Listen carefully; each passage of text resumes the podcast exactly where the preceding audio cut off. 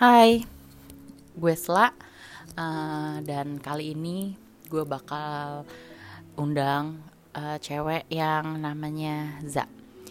Uh, jadi dia mau ceritain pahitnya hidup dia sampai dia bisa bertahan selama ini. Uh, langsung aja nggak usah banyak nggak usah basi. Kita langsung dengerin dari dia dia memperkenalkan diri. Hai Za. Hai, jadi uh, lo mau cerita apa nih hari ini? Uh, gue mau ceritain tentang pengalaman hidup gue yang bener-bener itu ngajarin gue banget. Dan pengalaman itu bener-bener di, di umur gue yang 19 tahun. Uh, emang pas sekolah umur lo sekarang berapa? 23 oke berarti itu skip udah agak lama ya. Mm -mm. Uh, boleh dong lo ceritain supaya yang dengerin podcast ini juga bisa juga bisa mengambil hikmah dari cerita lo. Boleh boleh boleh. Uh, mulai dari jadi Oke. em, dulu itu gue pernah berhubungan sama seorang pria. Cowok? Iya cowok iya. Jangan lebay-lebay dong. iya baku banget ya. Uh-uh, cowok aja. Iya cowok.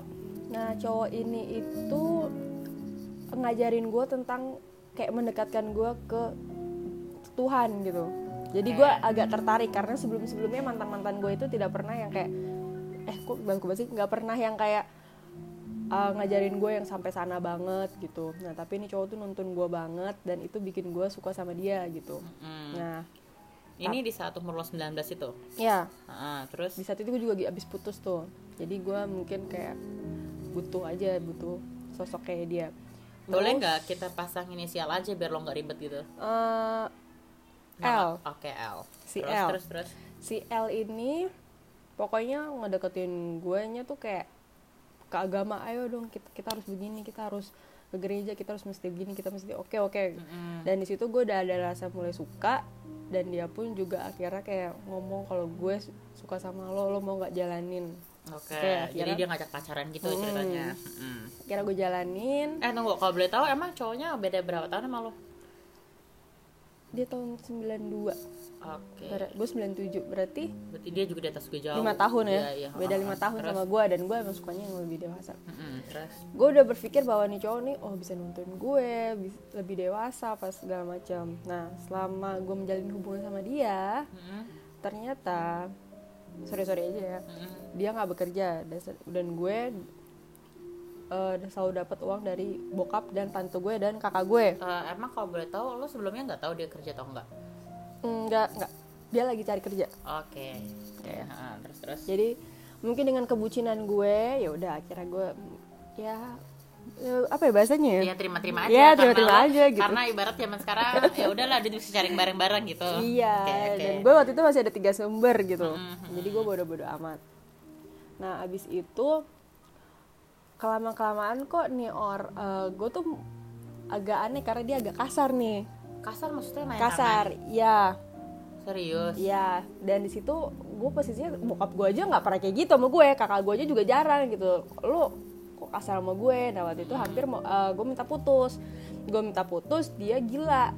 Dia judotin dirinya kepalanya ke tembok. Ah ini lo guys yang dibilang psycho, kayak psycho gitu gak sih? ya Mm, terus terus. ya, tonjokin diri segala macem. Nah di situ kan gue ketakutan yaudah yaudah gue nggak jadi putus nggak jadi putus cuy gitu. Nah nggak jadi putus eh, udah jalanin jalanin.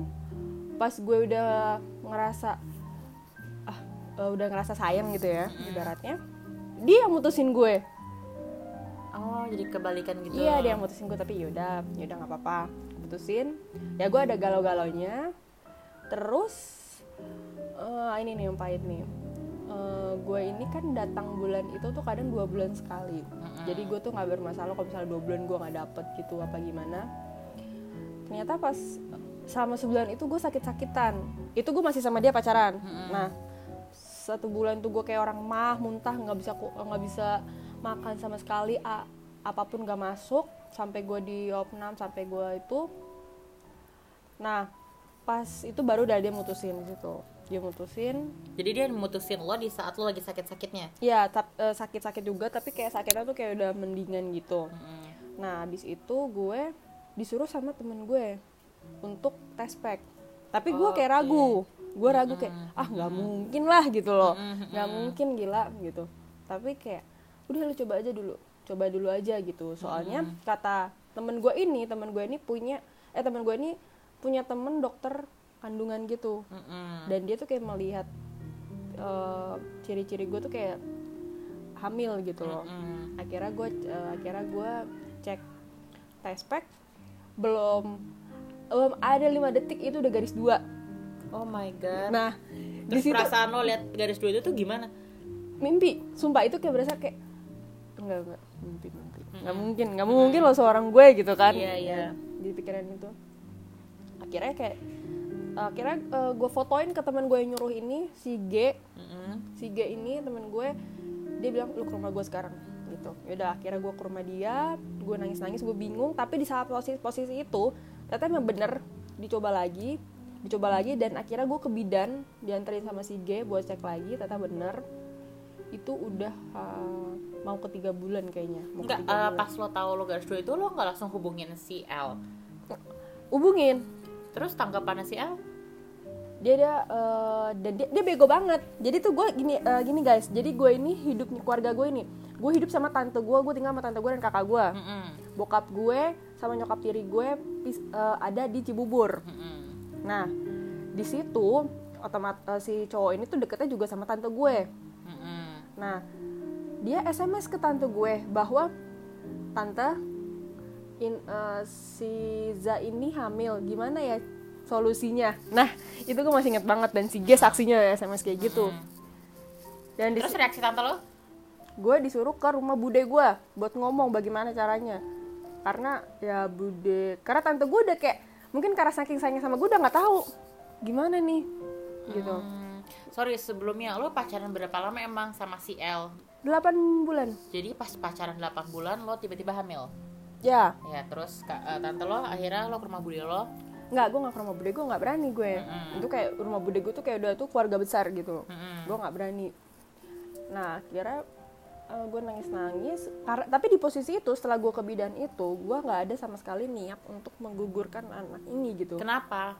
nggak tahu kayak pas udah dapat kayak nggak gue nggak boleh gitu kayak Tapi kayak, eh, kayak, eh, mungkin kayak Tuhan tuh ngomong kayak ini ada tujuannya nih ada tujuannya gitu jangan Iya, iya, jangan iya. lo gituin gitu Eh, cuman tapi kan eh, lo lihat dari reaksi si L-nya tuh kayak nggak seneng atau oh iya dia nggak seneng banget gitu. dia nggak seneng banget nggak seneng banget nah di situ abis itu gue gue disuruh buat gugurin Mm-mm, nggak sama si L. Iya, dia akhirnya cari obat, dia cari segala macam. Gue disuruh pijet, gue segitu. Tapi gue pernah dikirimin obat sama dia.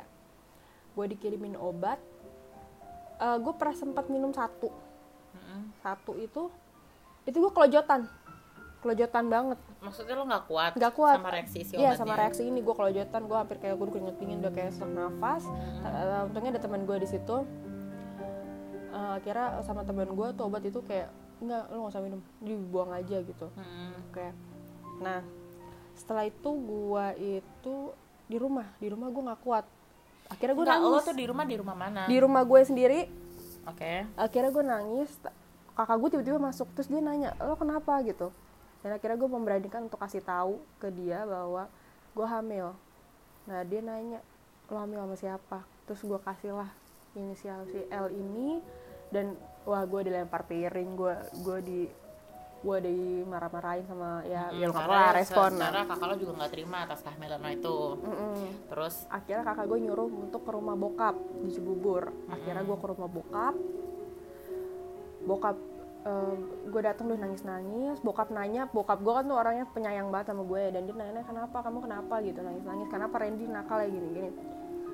Eh, dia apa akhirnya gue bilang iya pak eh, Za hamil gitu di situ bokap gue sih shock udah gue udah nggak peduli gue mau digebukin kayak untung enggak. cuman nyatanya bokap lo gimana reaksi denger reaksi itu? Eh, dia dari lagi mandi habis mandi berdiri langsung duduk dia udah nggak tahu kayak udah ayo kita ke rumah si L ini gitu.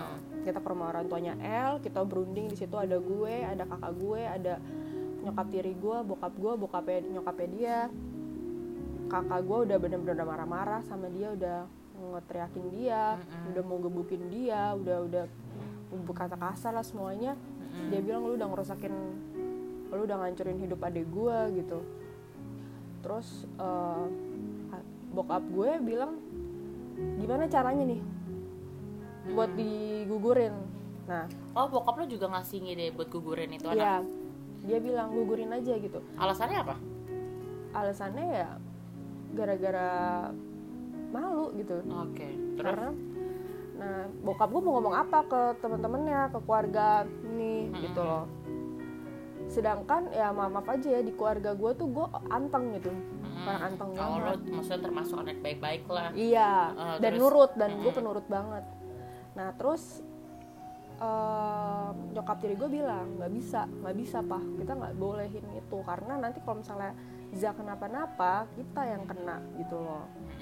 Akhirnya gue kayak mau disembunyiin gitu tapi bokap gue udah udah bokap nyokap sama kakak gue udah udah pasrah. Akhirnya mereka ninggalin gue di rumah si eh, si L ini. Jadi tinggal gue bokapnya sama nyokapnya sama si L.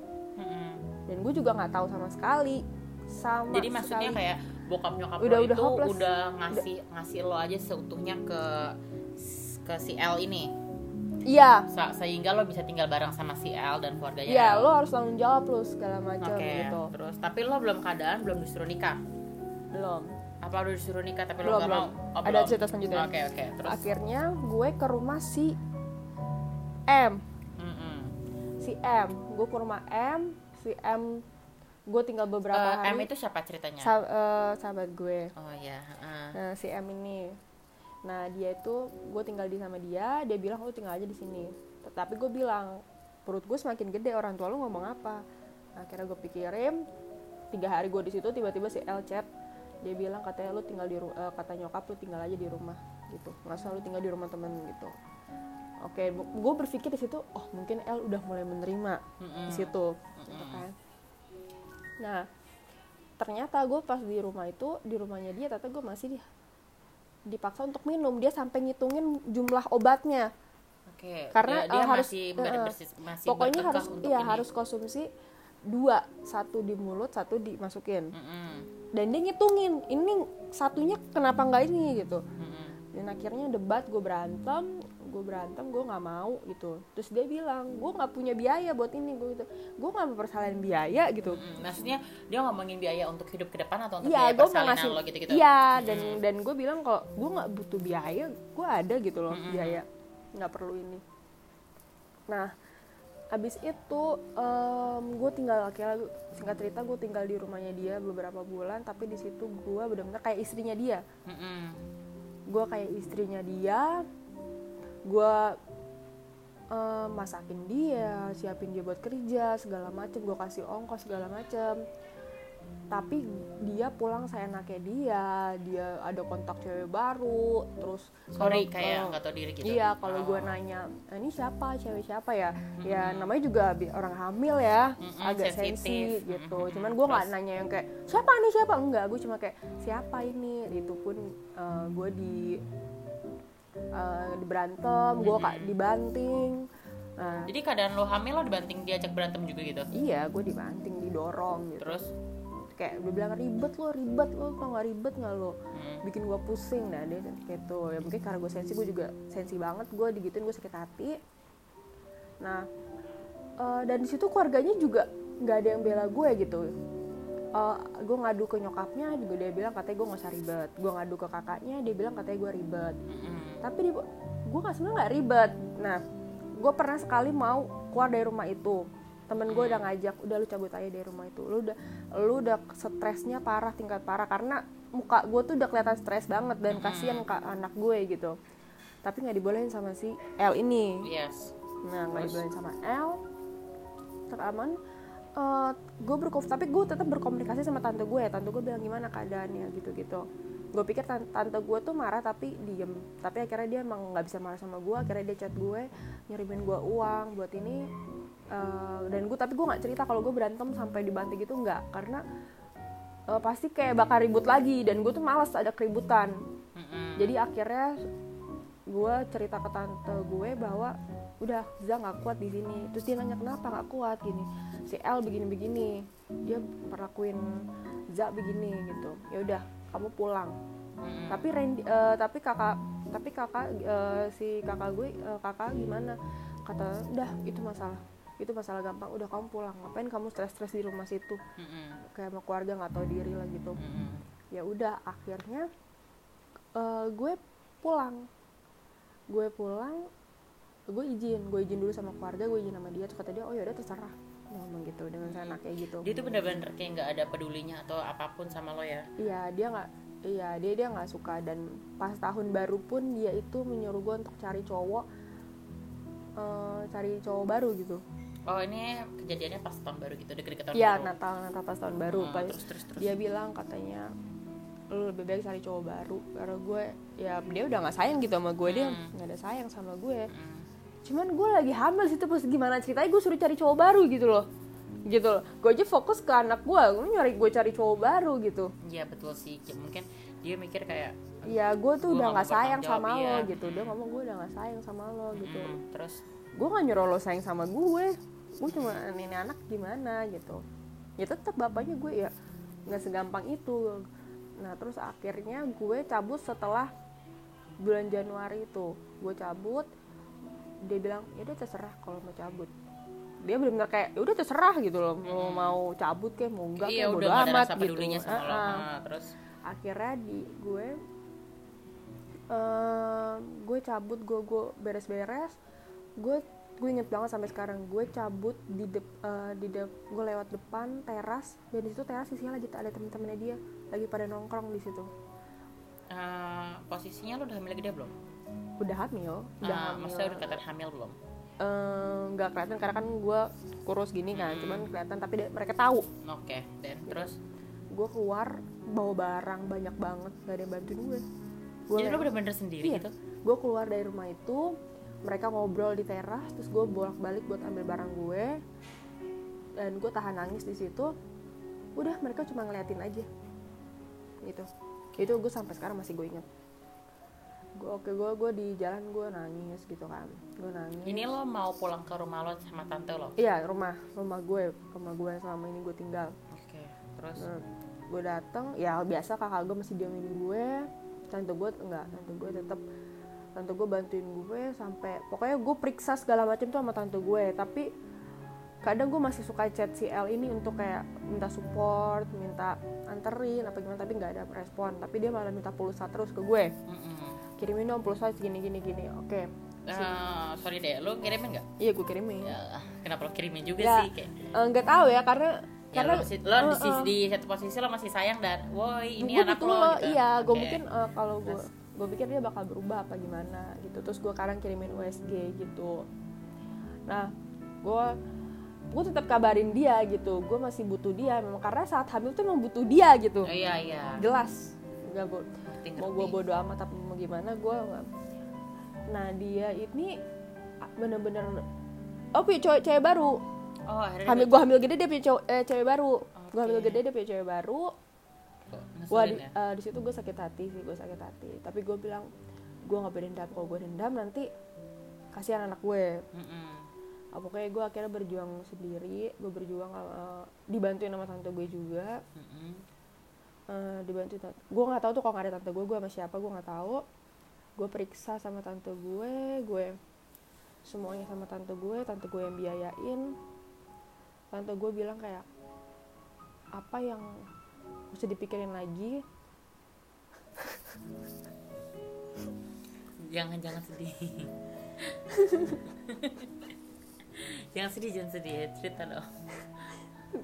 Jadi tante gue tuh ngomong eh, apa yang bikin Za sedih nggak usah dipikirin? Ini biar jadi tanggung jawab tante. Padahal kan kayak ini salah salah gue gitu kenapa Iya. jadi tante gue yang tanggung jawab gitu. Tante gue pokoknya gue nggak boleh nangis gue mulai itu. Apa pun dibeliin sama tante gue. Terus em, gue sakit hatinya saat tante gue tuh datang ke rumahnya L untuk minta pernikahan. Cuma kayak yaudah nikah aja biar dapat akte. Mm-mm. Tapi em, keluarganya L tuh bener-bener eh, oh yaudah iya dia bil- bilang mengiyakan saat tante gue ngobrol sama keluarganya L gue ditarik sama L ke dapur gue dibilang gue nggak mau nikah sama lu kenapa lu masih maksa lu menikah? Di situ gue nggak maksa cuman keluarga gue yang dari keluarga pribadi gue Mm-mm. gue cuma butuh akte. Abis itu setelah itu cerai juga nggak masalah iya gitu. iya betul. Yo, dia marah-marah di dapur. Mm-mm. Nah, eh, keluarganya dia bilang oh yaudah nanti kita cari gereja. Mm-mm. pas cari gereja eh, tante gue nunggu dua hari. Terus tiba-tiba dibatalin eh, sama keluarganya El lewat SMS lewat nyokapnya dia bilang bahwa pernikahan nggak bisa di nggak bisa per- pernikahan nggak bisa. Di situ gue ngerasa kayak eh, lu boleh deh nginjek injek gue cuman jangan eh, tante gue gitu loh. Lu injek injek di situ tante gue sedih banget. Terus gue bilang ke tante gue gue sama tante gue tuh sore suka bercanda cuman saat itu tuh bener-bener kayak udah tan eh, dia bilang terus kita gimana? Kamu gimana dek? Gue bilang "Eh, enggak nggak apa-apa. Saya bisa sendiri bisa sendiri. Tapi kamu masih kecil. Enggak enggak saya bisa sendiri kok. Nggak perlu dia gitu. Aku nggak kuat kalau harga dirinya. Tante diginiin gitu. Udah akhirnya di saat itu oke gue akhirnya berjuang berdua sama tante gue. Tante gue nemenin gue nemenin SG segala macam. Kalau di- setiap ditanya dokter eh, suaminya mana gue bilang lagi kayak belayar. Gue bilang belayar. Gue bilang pokoknya pergi belum pulang-pulang. Eh, terus pas di hari H anak gue oh gue sempat kasih tahu bahwa anak ini cowok. Oke. Nggak kira dia membuat nama. Membuat nama cowok dan pas hari H nya gue gue gue normal gue gue gue lahiran normal di umur 20 tahun. Di situ gue butuh banget dia. Memang kenapa eh, suami harus ada di deket istri saat hamil tuh emang emang gue ngerasain emang butuh gitu. Mm-mm. Gue kontraksi gue kontraksi hampir 11 jam. Gue hampir 11 jam. Tentu gue nungguin sampai ada sahabat gue cowok yang datang dia sampai dia sampai sedih ngeliat gue kesakitan kayak gitu. Terus eh, si El ini nggak datang Elnya nggak mau datang padahal udah gue udah gue SM, udah gue chat udah gue telepon tapi dia nggak mau datang mungkin dia takut disuruh biayain. Sedangkan gue gue nggak butuh bi apa nggak butuh biaya gitu. Biaya udah tenang aja gitu. Gue cuma butuh support lo. Akhirnya setelah maghrib setengah tujuh anak gue lahir perempuan. Anak bingung kan di OSG cowok tiba-tiba keluar cewek. Tapi gue nggak masalah gitu. Yang penting anak gue tuh normal sehat gitu iya loh. betul. Terus? Normal sehat. Eh gue kasih tahu ke El bahwa anaknya cewek. Dia mungkin agak shock juga ya. Mungkin karena dia mengidamkan cowok tiba-tiba jadi cewek. Mm-mm. akhirnya dia tapi tapi dia bikin nama. Dia bikinin nama tapi keluarga gue protes ngapain gitu loh? Mm-mm. lu mengizinkan dia ngasih nama gitu. Cuman tetap di belakang nama itu tetap nama gue. Gue gak ngasih nama dia. Dia cuma di awal aja namanya. Terus gue di situ uh, berpikir uh, teman-teman gue bilang kita selalu melahirkan lu nggak akan mikirin yang lagi. Percaya sama gue deh semua teman-teman gue bilang kayak gitu. Gue um, uh, gue setelah gue ngeliat anak gue anak uh, dia pernah bilang kayak gini. Awas ya kalau misalnya ini anak bukan anak dari gue dia ngomong kayak gitu ke gue dia masih tapi bisa ngomong jahat gitu ya iya tapi ternyata pas keluar gue kirimin foto ke kakaknya bahwa dia ini mirip banget sama El mirip banget dan darahnya pun juga sama kayak Mm-mm. Nah, eh, setelah itu gue pulang, gue kesakitan, anak gue di inkubator, anak gue masih di inkubator, gue ketakutan ya namanya juga, aduh takut gitu loh. Eh, ternyata anak gue itu normalnya kan 2,5, jadi anak gue tuh 2,3. oh iya terus Nah, anak gue, eh, dokter bilang bahwa gue ini minum obat ses- sesuatu obat yang bikin anak gue itu jadi kecil gitu. ah, Nah, ternyata gue tahu obat itu gitu. Eh, obat yang disuruh gue minum sampai kelojotan itu. mm-mm. Tapi gue nggak berani ngomong ke tante gue. Gue bilang kayak mungkin obat yang waktu itu yang dikasih dokter kita sempat sa- eh, sakit sebulan. Nah, dan gue kayak eh, tiba-tiba gue kayak kepikiran kayak seandainya gue kemarin gue mau minum dua itu anak gue nggak tertolong kayak. Kayak bakal amit-amit gitu loh. Amit-amit gitu. Tapi akhirnya eh, anak gue keluar gue seneng banget. Gue bener-bener ngeliat dia ya gue nggak benci ya. Gue nggak benci karena mukanya mirip dia gue nggak benci. Tapi gue gue gue bilang ke keluarga gue bahwa nggak apa-apa nama dari dia. Dia nggak pernah ngeliat dia nggak pernah ngunjungin anaknya dan dia nggak mengakui apa gimana. Tapi ya namanya ini bakal jadi pengingat dia suatu saat nanti kalau nih anak udah sukses gitu loh. Mm-mm. itu ya kenapa alasan gue mau ngasih itu dan sampai sekarang pun juga sampai detik ini pun aja nggak ada sih nggak ada yang buat hubungin Iya, jadi Tapi maksudnya ada kakaknya jadi eh, si L itu nggak pernah hubungin lo gitu ya? Lo udah nggak bener-bener nggak tahu kayak dia di mana, kabarnya dia gimana, dia Ya. juga nggak pernah nanyain tentang anak ya lo. ya yang gue tau kabarnya eh, ganti-ganti eh, ganti cewek udah ganti cewek gitu itu doang Ah. kabar yang gue tahu gue sih sebenarnya nggak benci sama dia. Karena gue nggak mau benci sama dia karena gue belajar dari pengalaman orang tua gue gue nggak mau benci dan nggak mau dendam karena bikin penyakit. Oke. itu yang gue nggak mau. Jadi sekarang anak lo umur udah, udah umur berapa nih? Eh, tiga tahun.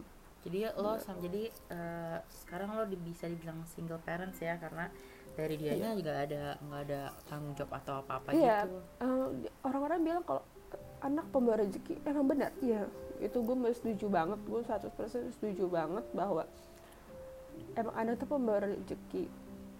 Dan gue tuh seneng banget jadi teman gue jadi sahabat gue terus jadi kayak Nemenin sehati. lo. iya dan gue pernah kayak di saat kayak putus asa kayak capek tiba-tiba dia datang sendiri dengan sendiri dia bilang mama mama gitu. Itu udah jadi obat buat gue.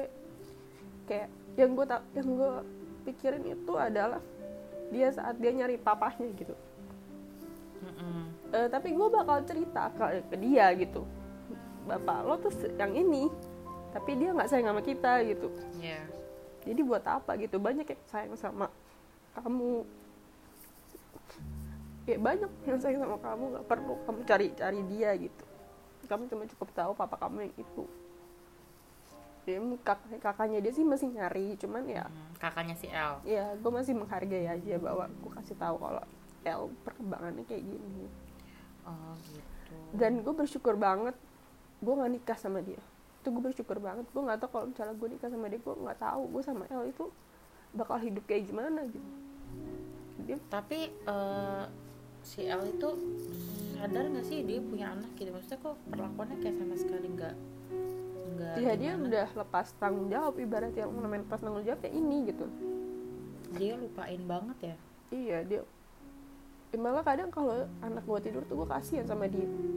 Punya ya kayak kasihan aja kayak keinget dulu lu dis- disuruh disuruh gugurin sedangkan lu lu lihat dong anak lu sekarang kayak lincah kayak pinter kayak akalnya tuh ada aja.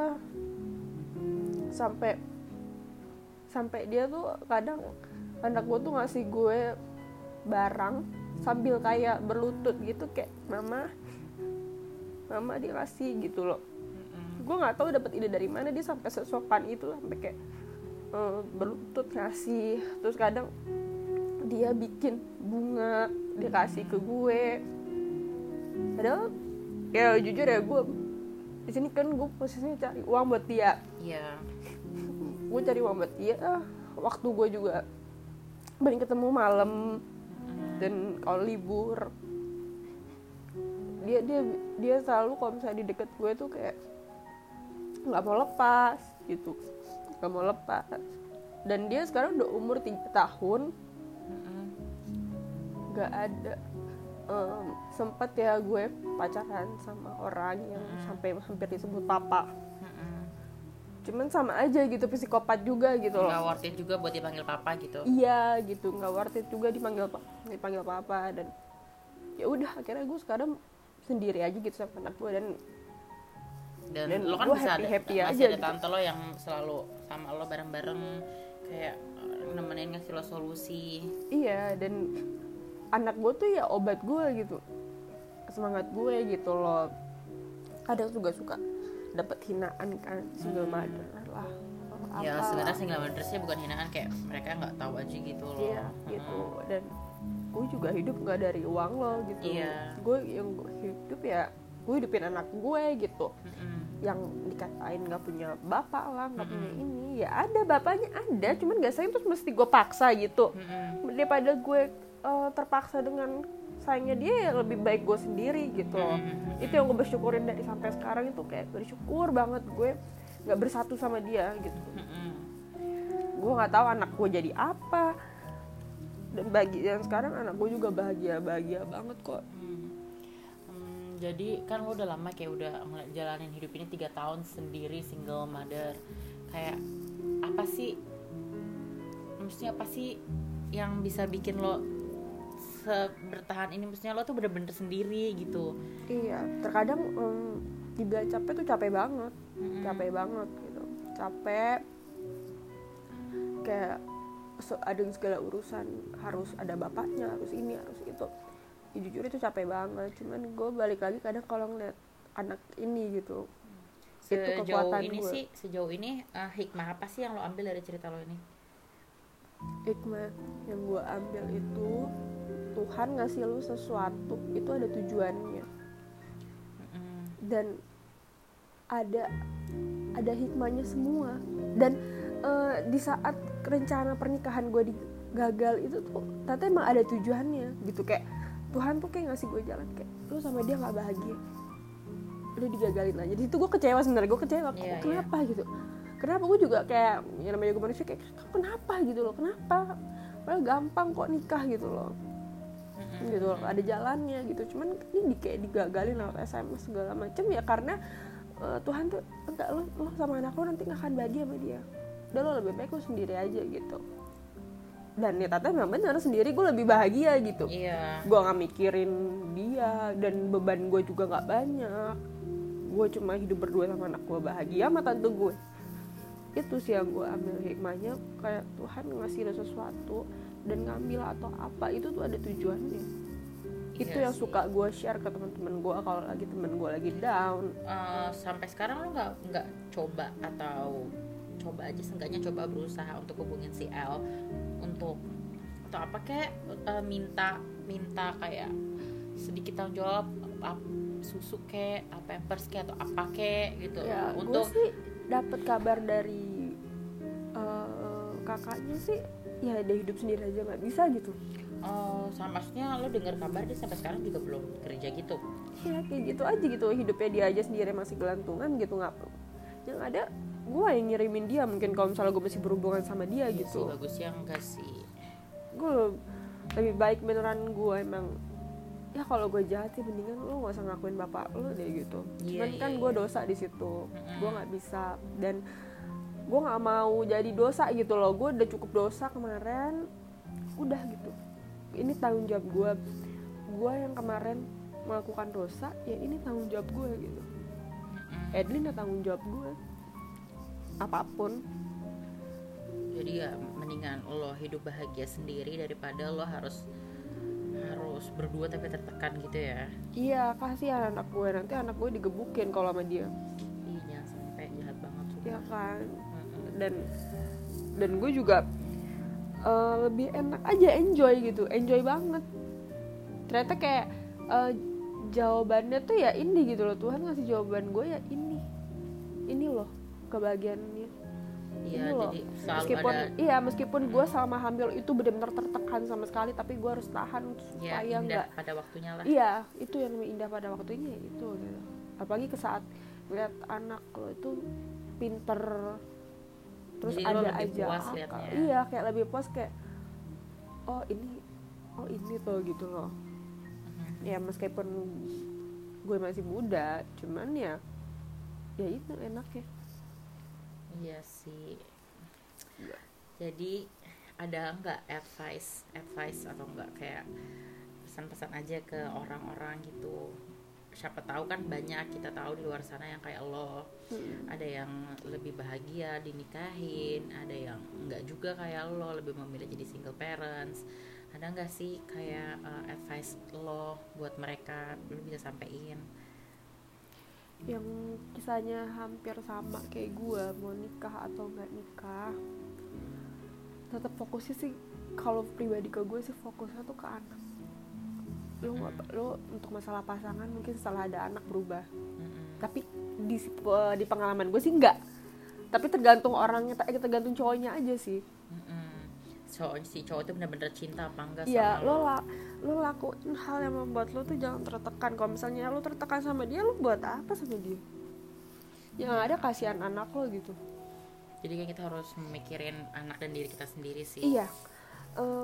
S- kalau gue sih lebih mikirnya ke anak. Ke anak karena gue nggak mau anak gue kayak gue. Gue nggak mau anak gue tertekan. Gue nggak gue nggak bayangin aja kalau misalnya kayak masih dipaksain sesuatu hal yang dipaksain itu kan nggak bagus iya gitu. betul betul betul. Kalau misalnya gue paksain kebayang anak gue nggak punya mainan ntar anak gue makan pakai apa gitu. Sedangkan sekarang dia udah punya mainan sendiri dia punya segalanya gitu. Apa yang dia butuhin ada. Itu itu kalau pedoman gue hal yang dipaksain itu nggak akan bagus Oke, jadi eh, buat lo yang dengar ceritanya Za, semoga kalian bisa dapetin hikmah dari cerita ini. Si Za juga hidupnya makin bahagia sama anaknya, ya Za ya. banget Eh, jadi itu aja. Ada lagi nggak yang lo mau sampaikan? Hmm, itu aja sih kayaknya gue Semoga eh, ya doa gue, semoga lo bahagia sama anak lo, amin eh, sama tante lo, lo juga bahagia. amin Ya, gue nggak bisa ngomong deh. Pokoknya semoga kita bahagia bareng-bareng. amin amin Amin, itu aja. Karena kebahagiaan itu yang sebenarnya susah dicari ya, Za. Kayak susah. kalau misalkan duitnya berlimpah-berlimpah juga ya Percuma belum tentu kalau- belum tentu bisa bahagia gitu loh. iya percuma gitu loh Karena ya itu bahagia nggak bisa dibeli. Meskipun terkadang sih ya kita kita nggak nggak bullshit aja gitu. Terkadang juga uang membawa kebahagiaan, tapi nggak Iya. sem- nggak mungkin selalu setelah gitu. uang telah dipakai atau uang Iya. habis itu kayak udah Mana kayak gitu. mana kok gue nggak bahagia Iya. gitu itu nanti ya ada sih beberapa hal yang itu bisa nanti lo lo- lu keluar dari mulut lo gitu kalau misalkan emang lo udah nggak bisa banget dapet kebahagiaan itu ketenangan dan kebahagiaan itu yang susah dicari ya nggak Za? iya betul. Jadi eh, kita udah dengar ceritanya dari Za. Eh, sedih sih bisa tapi hebat sih bisa jadi single parent sampai selama ini. Bener-bener sendiri ya Za lo ya? Iya sendiri Kayak, tiga aduh, tahun. heeh. tiga tahun. Tiga setengah. Hebat sih sebenarnya bisa jadi single parent biayain semua semua sendiri. Wow keren. Semoga bahagia ya Za. Amin. Dan yang dengar juga semoga bisa ngambil hikmahnya ya. Oke kayak sampai sini aja. Eh, nextnya kita bakal cerita-cerita lagi yang lain. Bye bye Za. Bye